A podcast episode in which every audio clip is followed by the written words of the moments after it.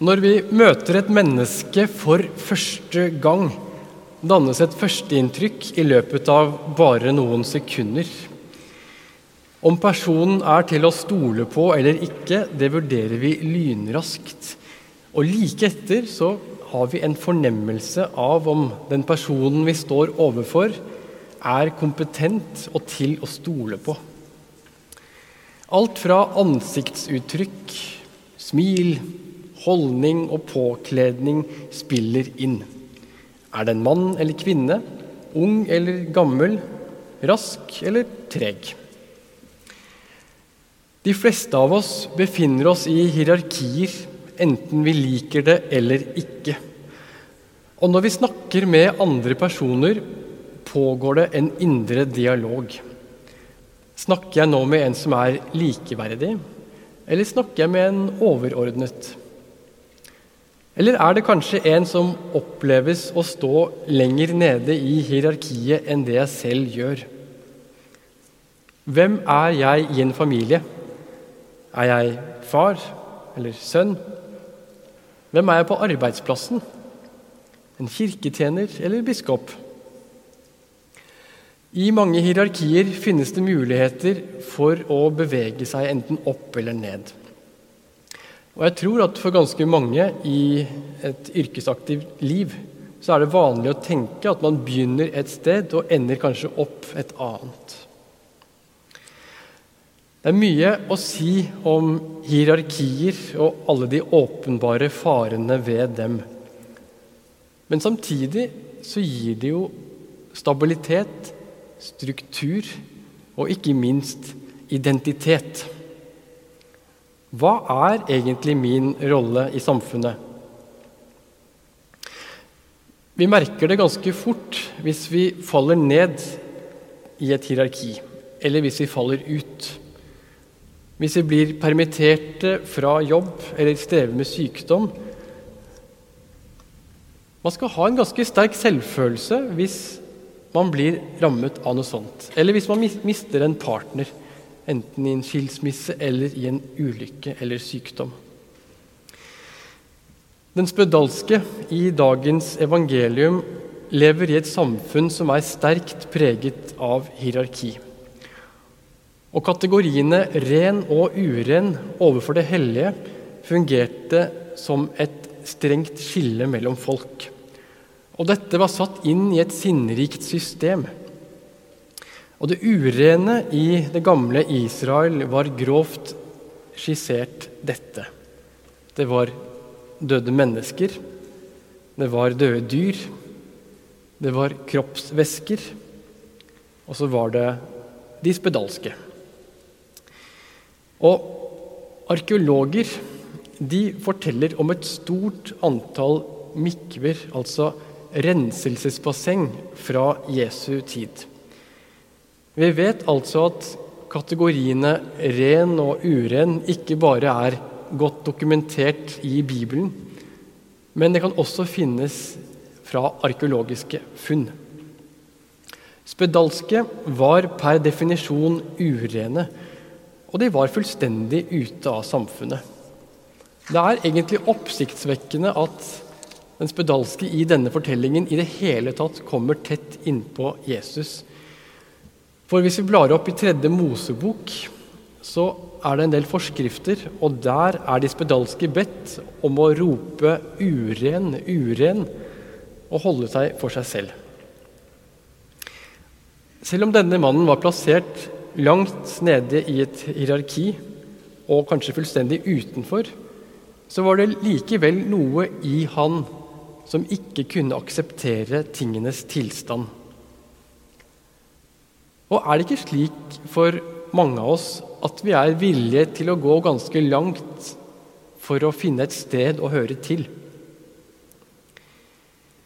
Her om dagen så leste jeg en kort, liten historie skrevet av Alf Prøysen. og Jeg skal gjengi den nå. Han skriver en liten tekst om Vesle Kjell. Og Kjell er en gutt som er litt kraftigere enn de andre guttene. Han klarer ikke helt å holde det samme tempoet som de andre gjør på lekeplassen. Og når han tar de andre guttene igjen, så er de plutselig ute av syne for han igjen.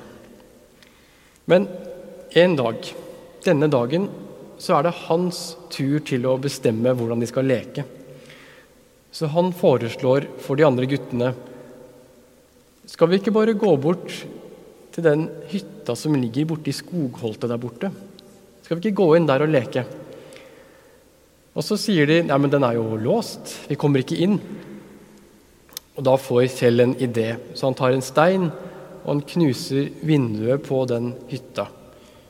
Guttene går inn, men Kjell han blir stående på utsiden, for han er for stor til å komme inn gjennom ruta.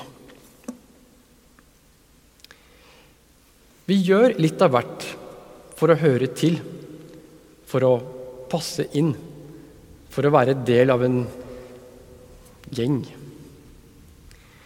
Den spedalske faller på kne. Og jeg tenker at en instinktiv reaksjon fra Jesus kunne være å ta et skritt bakover. For om ikke sykdommen var skremmende nok fra før av, så var det sosiale stigmaet skrevet med store bokstaver over hele denne mannen. I stedet så er det inderlig medfølelse og en utstrakt hånd som venter. Jesus krever ikke at mannen skal være ren. Han gjør mannen ren. Jeg vet ikke hva som skjedde i Jesu hode da den spedalske kom mot han. Kanskje hadde han et førsteinntrykk som han aktivt måtte kjempe mot. Eller kanskje var han så fylt av visdom og kjærlighet at han visste bedre. Uansett så synes jeg dette er Gud på sitt aller beste. Det er noe her. For selv om vi vet at førsteinntrykk dannes raskt, så kan vi likevel gjøre noe med måten vi omgås hverandre på. For jeg er overbevist om at den kvaliteten vi legger inn i oppmerksomheten til hverandre, kan endre oss og verden, faktisk. For hvis du er min venn, så gir jeg deg én type oppmerksomhet. Men hvis du er den personen som tar betalt på kassa i matbutikken, så gir jeg deg en annen type oppmerksomhet. Og hvis du er min sjef, så får du en tredje type oppmerksomhet. Og er du en gammel tante, så er det igjen en fjerde type oppmerksomhet. Og for den som mottar personens oppmerksomhet, så skjer det også noe. For det merkes om man blir behandlet som en vrang kollega eller en som verdifull ressurs. Måten vi møter hverandre på, måten vi gir hverandre oppmerksomhet på, endrer oss. Og det endrer de vi gir oppmerksomhet. Og på samme måte er det med de tingene som vi omgir oss med. Ser jeg et landemerke? Ser jeg et mursteinsbygg? Eller ser jeg et strømsluk, kanskje? Eller er det en kirke jeg står og ser på? Er det brød og vin jeg holder i hendene mine, eller er det Jesu levende kropp og blod og nærvær? Det er selvfølgelig en grunn for at renhetsforskriftene fantes i utgangspunktet. Kanskje var det en måte å beskytte seg mot sykdom på. Og kanskje er det også derfor vi så raskt danner oss et inntrykk av andre mennesker for å beskytte oss selv. Samtidig er jeg overbevist om at det finnes et stort uutnytta potensial her. Det er mulig å la seg begeistre av hverandre. Og hva hvis vi hver gang vi møter et velkjent eller et nytt ansikt, tenker dette mennesket er skapt og elsket av Gud. Takk for dette mennesket.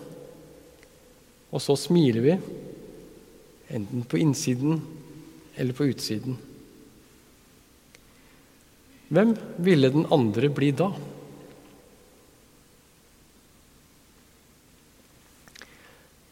Ære være Faderen og Sønnen og Den hellige ånd, som var, er og være skal, en sann Gud, fra evighet og til evighet.